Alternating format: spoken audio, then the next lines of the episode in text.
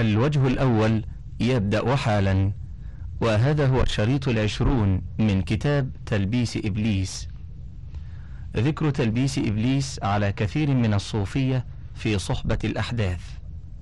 قال المصنف اعلم أن أكثر الصوفية المتصوفة قد سدوا على أنفسهم باب النظر إلى النساء الأجانب لبعدهم عن مصاحبتهن وامتناعهم عن مخالطتهن واشتغلوا بالتعبد عن النكاح واتفقت صحبة الأحداث لهم على وجه الإرادة وقصد الزهادة فأمالهم إبليس إليهم. واعلم أن المتصوفة في صحبة الأحداث على سبعة أقسام. القسم الأول أخبث القوم وهم ناس تشبهوا بالصوفية ويقولون بالحلول عن أبي نصر عبد الله بن علي السراج قال بلغني أن جماعة من الحلولية زعموا أن الحق تعالى اصطفى أجساما حل فيها بمعاني الربوبية. ومنهم من قال هو حال في المستحسنات. وذكر أبو عبد الله ابن حامد من أصحابنا أن طائفة من الصوفية قالوا إنهم يرون الله عز وجل في الدنيا وأجازوا أن يكون في صفة الآدمي. ولم يأبوا كونه حالا في الصورة الحسنة. حتى استشهدوه في رؤيتهم الغلام الأسود. القسم الثاني قوم يتشبهون بالصوفية في ملبسهم ويقصدون الفسق. القسم الثالث قوم يستبيحون النظر إلى المستحسن. وقد صنف أبو عبد الرحمن السلمي كتابا سماه سنن الصوفية. فقال في أواخر الكتاب باب في جوامع رخصهم. فذكر فيه الرقص والغناء والنظر إلى الوجه الحسن. وذكر فيه ما روي عن النبي عليه السلام أنه قال اطلبوا الخير عند حسان الوجوه. وأنه قال ثلاثة تجل البصر النظر إلى الخضرة والنظر إلى الماء والنظر إلى الوجه الحسن. حاشية. الحديث الأول اطلبوا الخير عند حسان الوجوه موضوع. السيوطي في الجامع الصغير عن عائشة وابن عباس وابن عمر وأنس وجابر وأبي هريرة وأبي بكرة. الجزء الأول الصفحة الرابعة والأربعون. ضعيف الجامع للألباني برقم اثنين بعد الألف. انتهى. قال المصنف رحمه الله وهذان الحديثان لا أصل لهما عن رسول الله صلى الله عليه وسلم. أما الحديث الأول فعن ابن عمر أن النبي صلى الله عليه وسلم قال اطلبوا الخير عند حسان الوجوه. قال يحيى بن معين محمد بن عبد الرحمن ليس بشيء. قال المصنف قلت وقد روي هذا الحديث من طرق. قال العقيلي لا يثبت عن النبي عليه الصلاة والسلام في هذا شيء.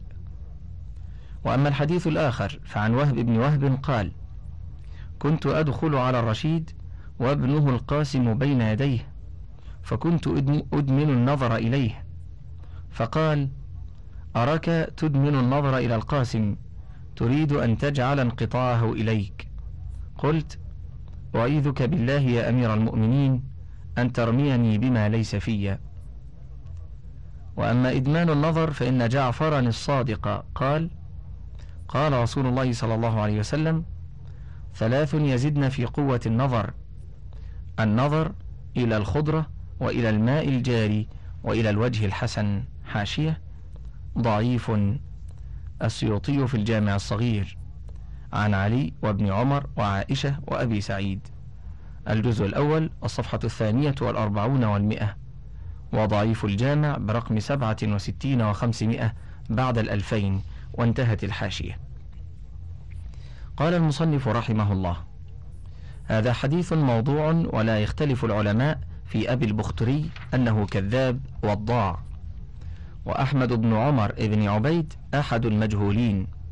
ثم قد كان ينبغي لأبي عبد الرحمن السلمي إذا ذكر النظر إلى المستحسن أن يقيده بالنظر إلى وجه الزوجة أو المملوكة. فأما إطلاقه ففيه سوء ظن. وقال شيخنا محمد بن ناصر الحافظ كان ابن طاهر المقدسي قد صنف كتابا في جواز النظر إلى المرد. قال المصنف رحمه الله قلت والفقهاء يقولون من ثارت شهوته عند النظر إلى الأمرد حرم عليه أن ينظر إليه. ومتى ادعى الإنسان أنه لا تثور شهوته عند النظر إلى الأمرد المستحسن فهو كاذب. وإنما أبيح على الإطلاق لئلا يقع الحرج في كثرة المخالطة بالمنع. فإذا وقع الإلحاح في النظر دل على العمل بمقتضى ثوران الهوى.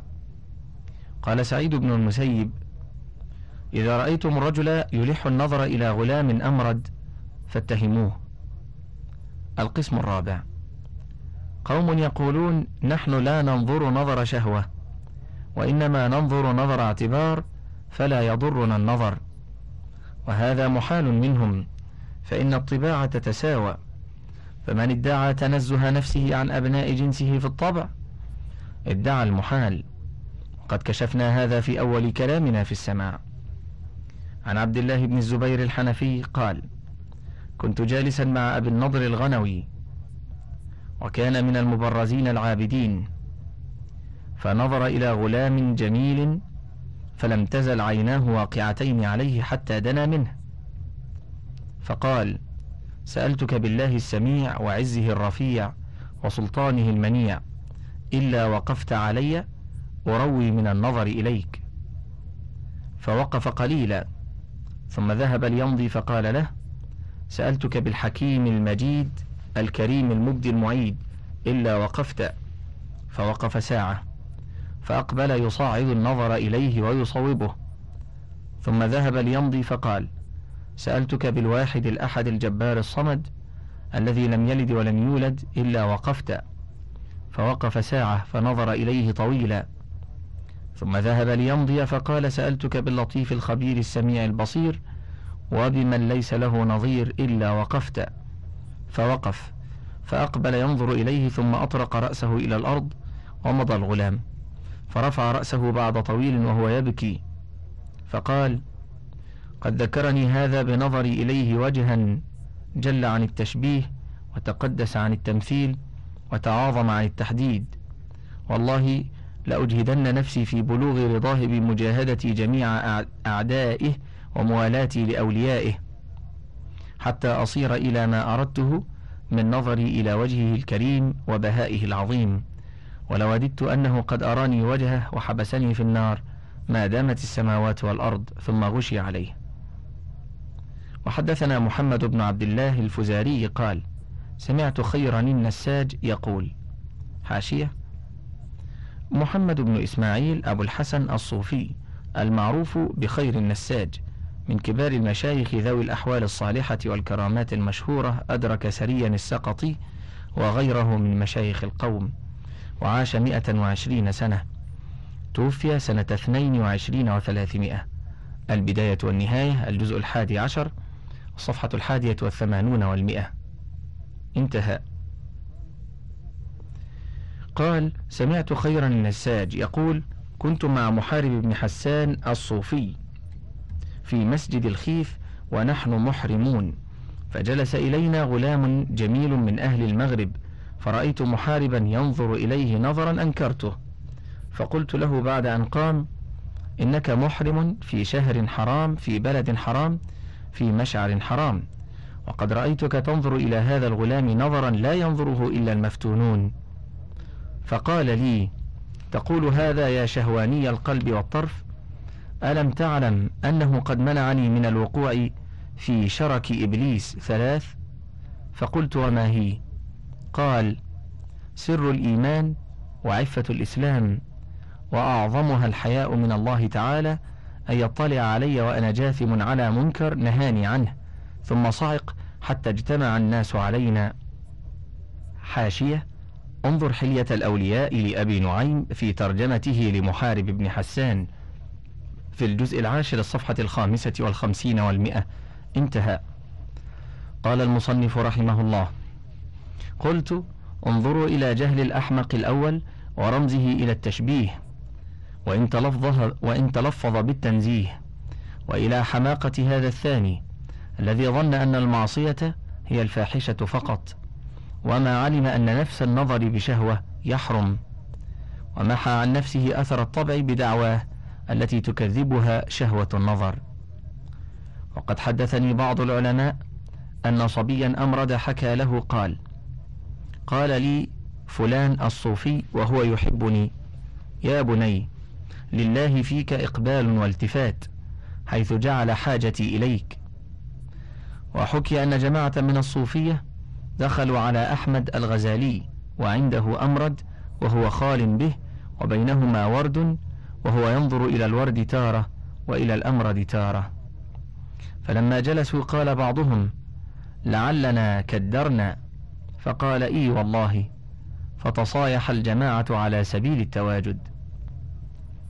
وحكى أبو الحسين ابن يوسف أنه كتب إليه في رقعة إنك تحب غلامك التركي فقرأ الرقعة ثم استدعى الغلام فصعد إليه النظر فقبله بين عينيه وقال هذا جواب الرقعة.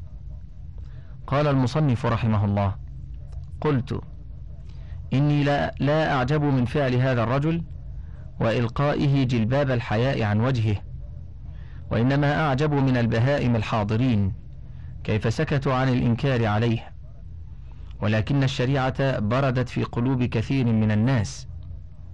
وعن أبي الطيب الطبري قال بلغني عن هذه الطائفة التي تسمع السماع أنها تضيف إليه النظر إلى وجه الأمرد وربما زينته بالحلي والمصبغات من الثياب والحواشي.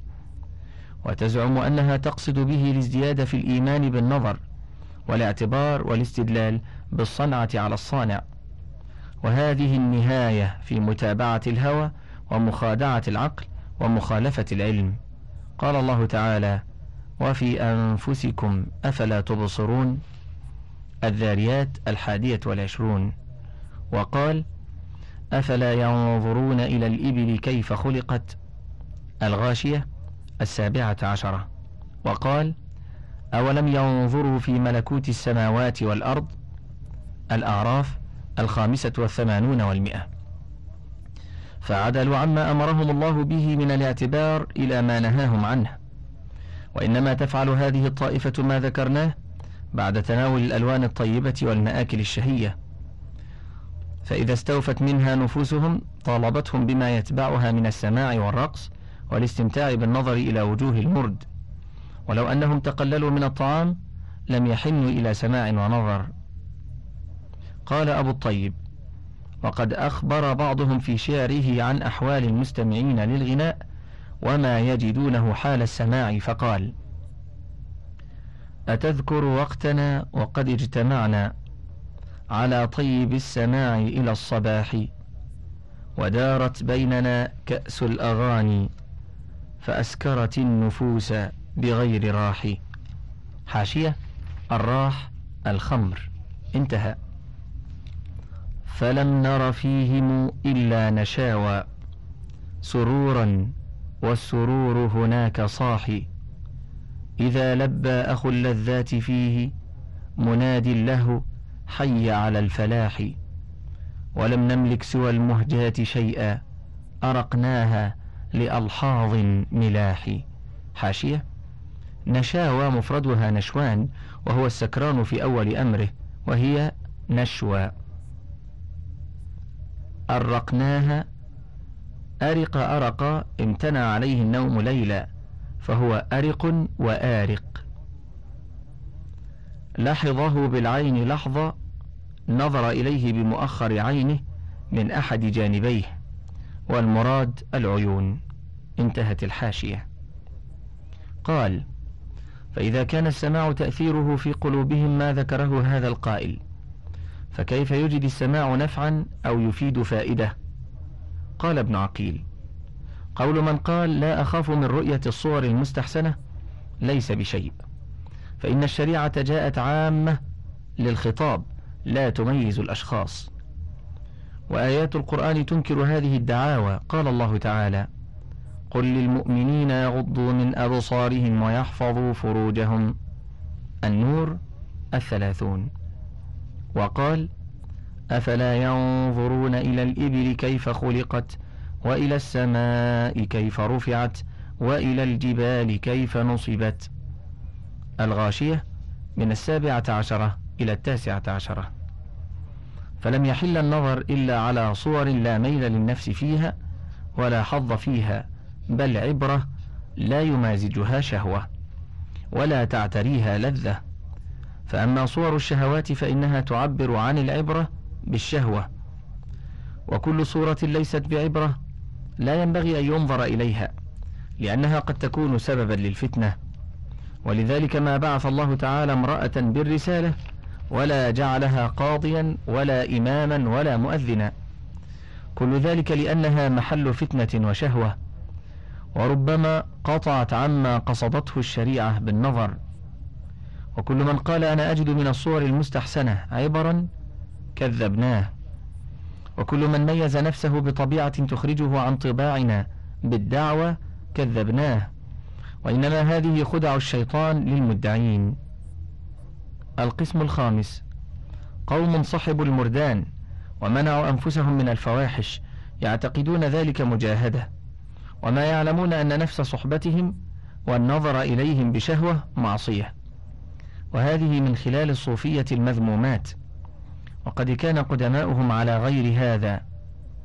وقيل كانوا على هذا بدليل هو ما أخبرنا أحمد بن علي ابن ثابت. قال أنشدنا أبو علي الروذباري. أنزه في روض المحاسن مقلتي. وأمنع نفسي أن تنال محرما. وأحمل من ثقل الهوى ما لو أنه على الجبل, على الجبل الصلد الأصم تهدما.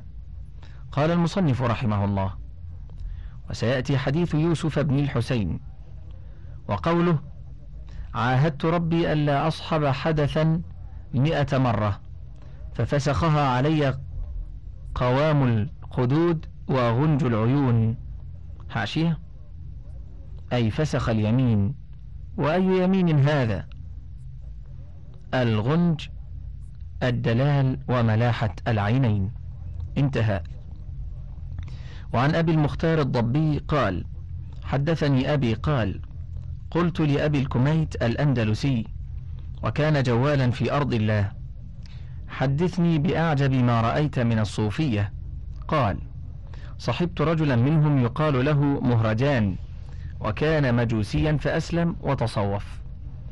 فرأيت معه غلاما جميلا لا يفارقه. وكان إذا جاء الليل قام فصلى ثم ينام إلى جانبه ثم يقوم فزعا فيصلي ما قدر له. ثم يعود فينام إلى جانبه حتى فعل ذلك مرارا. فإذا أسفر الصبح أو كاد يسفر أوتر. ثم رفع يديه وقال اللهم إنك تعلم أن الليل قد مضى علي سليما لم أقترف فيه فاحشة ولا كتبت علي الحفظة فيه معصية وأن الذي أضمره بقلبي لو حملته الجبال لتصدعت أو كان بالأرض لتدك دكت. ثم يقول حاشية تدكدكت الجبال للأرض أي تهدمت فالتدكدك للجبال والتصدع للأرض. انتهت الحاشية. ثم يقول يا ليل اشهد بما كان مني فيك فقد منعني خوف الله عن طلب الحرام والتعرض للآثام. ثم يقول سيدي أنت تجمع بيننا على تقى فلا تفرق بيننا يوم تجمع فيه الأحباب. فأقمت معه مدة طويلة. أراه يفعل ذلك كل ليلة وأسمع هذا القول منه. فلما هممت بالانصراف من عنده قلت سمعتك تقول إذا انقضى الليل كذا وكذا. فقال وسمعتني؟ قلت نعم. قال فوالله يا أخي إني لأداري من قلبي ما لو داراه سلطان من رعيته لكان الله حقيقا بالمغفرة له. فقلت وما الذي يدعوك إلى صحبة من تخاف على نفسك العنة من قبله؟ قال أبو حمزة الصوفي رأيت ببيت المقدس فتى من الصوفية يصحب غلاما مدة طويلة فمات الفتى وطال حزن الغلام عليه. حتى صار جلدا وعظما من الضنا والكمد. فقلت له يوما لقد طال حزنك على صديقك حتى أظن أنك لا تسلو بعده أبدا. فقال كيف أسلو عن رجل؟ أجل الله عز وجل أن يصيبه معي طرفة عين أبدا وصانني عن نجاسة الفسوق في خلال صحبتي له وخلواتي معه في الليل والنهار. قال المصنف رحمه الله هؤلاء قوم رآهم إبليس لا ينجذبون معه إلى الفواحش فحسن لهم بداياتها فتعجلوا لذة النظر والصحبة والمحادثة وعزموا على مقاومة النفس في صدها عن الفاحشة. فإن صدقوا وتم لهم ذلك فقد اشتغل القلب الذي ينبغي أن يكون شغله بالله تعالى لا بغيره. وصرف الزمان الذي ينبغي أن يخلو فيه القلب بما ينتفع به في الآخرة بمجاهدة الطبع في كفه عن الفاحشة. وهذا كله جهل وخروج عن آداب الشرع. فإن الله عز وجل أمر بغض البصر لأنه طريق إلى القلب. ليسلم القلب لله تعالى من شائب تخاف منه. وما مثل هؤلاء إلا كمثل من أقبل إلى سباع في غيضة متشاغلة عنه لا تراه. فأثارها وحاربها وقاومها. فيا بعد سلامته من جراحة إن لم يهلك. حاشية. الغيظة الموضع يكثر فيه الشجر ويلتف. انتهت. فصل. وفي هؤلاء من قويت مجاهدته مدة ثم ضعفت. فدعته نفسه إلى الفاحشة فامتنع حينئذ من صحبة المرد. عن أبي حمزة قال قلت لمحمد بن العلاء الدمشقي وكان سيد الصوفية وقد رأيته يماشي غلاما وضيئا مدة ثم فارقه. فقلت له لما هجرت ذلك الفتى الذي كنت أراه معك بعد أن كنت مواصلا له وإليه مائلا؟ فقال والله لفارق لقد فارقته عن غير قلى ولا ملل. حاشية. القلى البغض والهجر. انتهى. قلت ولم فعلت ذلك؟ قال رأيت قلبي يدعوني إلى أمر إذا خلوت به وقرب مني. لو أتيته سقطت من عين الله عز وجل. فهجرته لذلك تنزيها لله تعالى ولنفسي عن مصارع الفتن. فصل. ومنهم من تاب وأطال البكاء عن إطلاق نظره. عن عبيد الله قال سمعت أخي أبا عبد الله محمد بن محمد يقول سمعت خيرا النساج يقول كنت مع أمية ابن الصامت الصوفي إذ نظر إلى غلام فقرأ وهو معكم أينما كنتم والله بما تعملون بصير. الحديد الرابعة. ثم قال وأين الفرار من سجن الله وقد حصنه بملائكة غلاظ شداد؟ تبارك الله فما أعظم ما امتحنني به من نظري إلى هذا الغلام. ما شبهت نظري إليه إلا بنار وقعت على قصب في يوم ريح فما أبقت ولا تركت. ثم قال أستغفر الله من بلاء من بلاء جنته عيناي على قلبي. لقد خفت ألا أنجو من معرته ولا أتخلص من إثمه. ولو وافيت القيامة بعمل سبعين صديقا. ثم بكى حتى كاد يقضي نحبه. فسمعته يقول في بكائه يا طرف لأشغلنك بالبكاء عن النظر إلى البلاء. حاشية المعرة الأذى والمساءة والمكروه والإثم أيضا. وانظر حلية الأولياء لأبي نعيم في الجزء العاشر الصفحة الرابعة والخمسين والمئة. انتهت. فصل. ومنهم من تلاعب به المرض من شدة المحبة.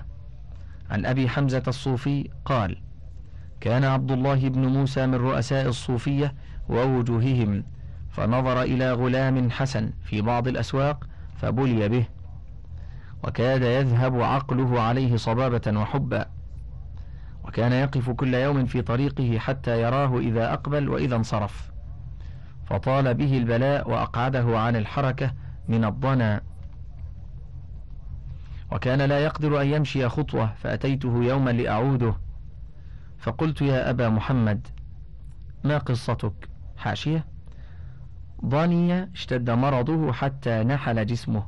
والضنا المرض أو الهزال الشديد والمريض الذي قد طال مرضه. انتهى. فقلت يا أبا محمد ما قصتك؟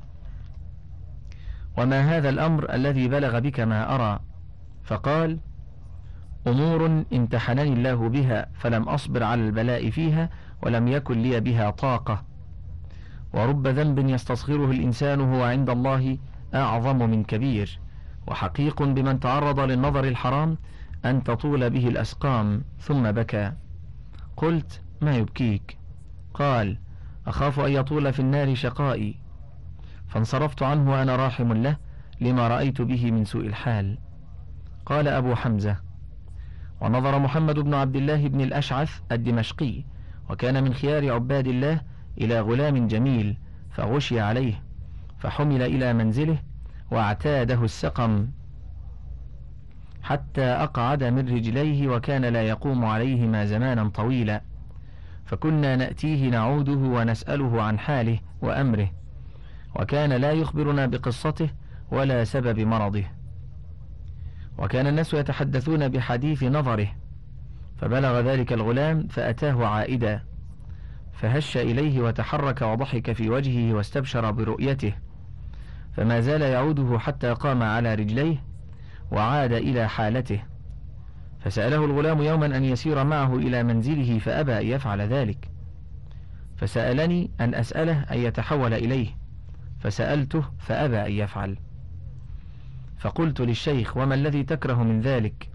فقال لست بمعصوم من البلاء ولا آمن من الفتنة وأخاف أن يقع علي من الشيطان محنة فتجري بيني وبينه معصية فأكون من الخاسرين. فصل. وفيهم من همت نفسه إلى الفاحشة فقتل نفسه. عن أبي عبد الله الحسين بن محمد الدامغاني قال كان ببلاد فارس صوفي كبير فابتلي بحدث فلم يملك نفسه أن دعته إلى فاحشة. فراقب الله عز وجل ثم ندم على هذه الهمة. وكان منزله على مكان عال ووراء منزله بحر من الماء. فلما أخذته الندامة صعد السطح ورمى بنفسه إلى الماء وتلا قوله تعالى فتوبوا إلى بارئكم فاقتلوا أنفسكم. البقرة الرابعة والخمسون. فغرق في البحر. قال المصنف رحمه الله انظر إلى إبليس كيف درج هذا المسكين من رؤية هذا الأمرد وإلى إدمان النظر إليه إلى أن مكن المحبة من قلبه إلى أن حرضه على الفاحشة فلما رأى استعصامه حسن له بالجهل قتل نفسه فقتل نفسه.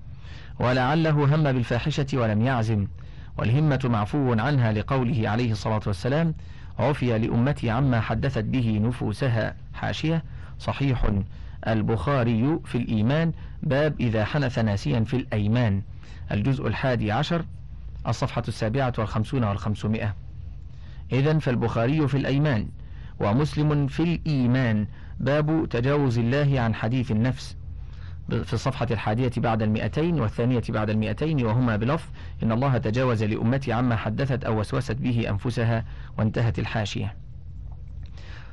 ثم إنه ندم على همته والندم توبة فأراه إبليس أن من تمام الندم قتل نفسه كما فعل بنو إسرائيل فأولئك أمروا بذلك بقوله تعالى فاقتلوا أنفسكم ونحن نهينا عنه بقوله تعالى ولا تقتلوا أنفسكم النساء التاسعة والعشرون.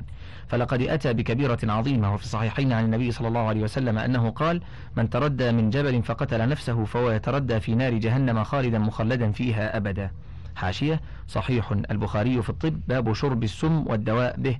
الجزء العاشر الصفحة الثامنة والخمسون بعد المئتين.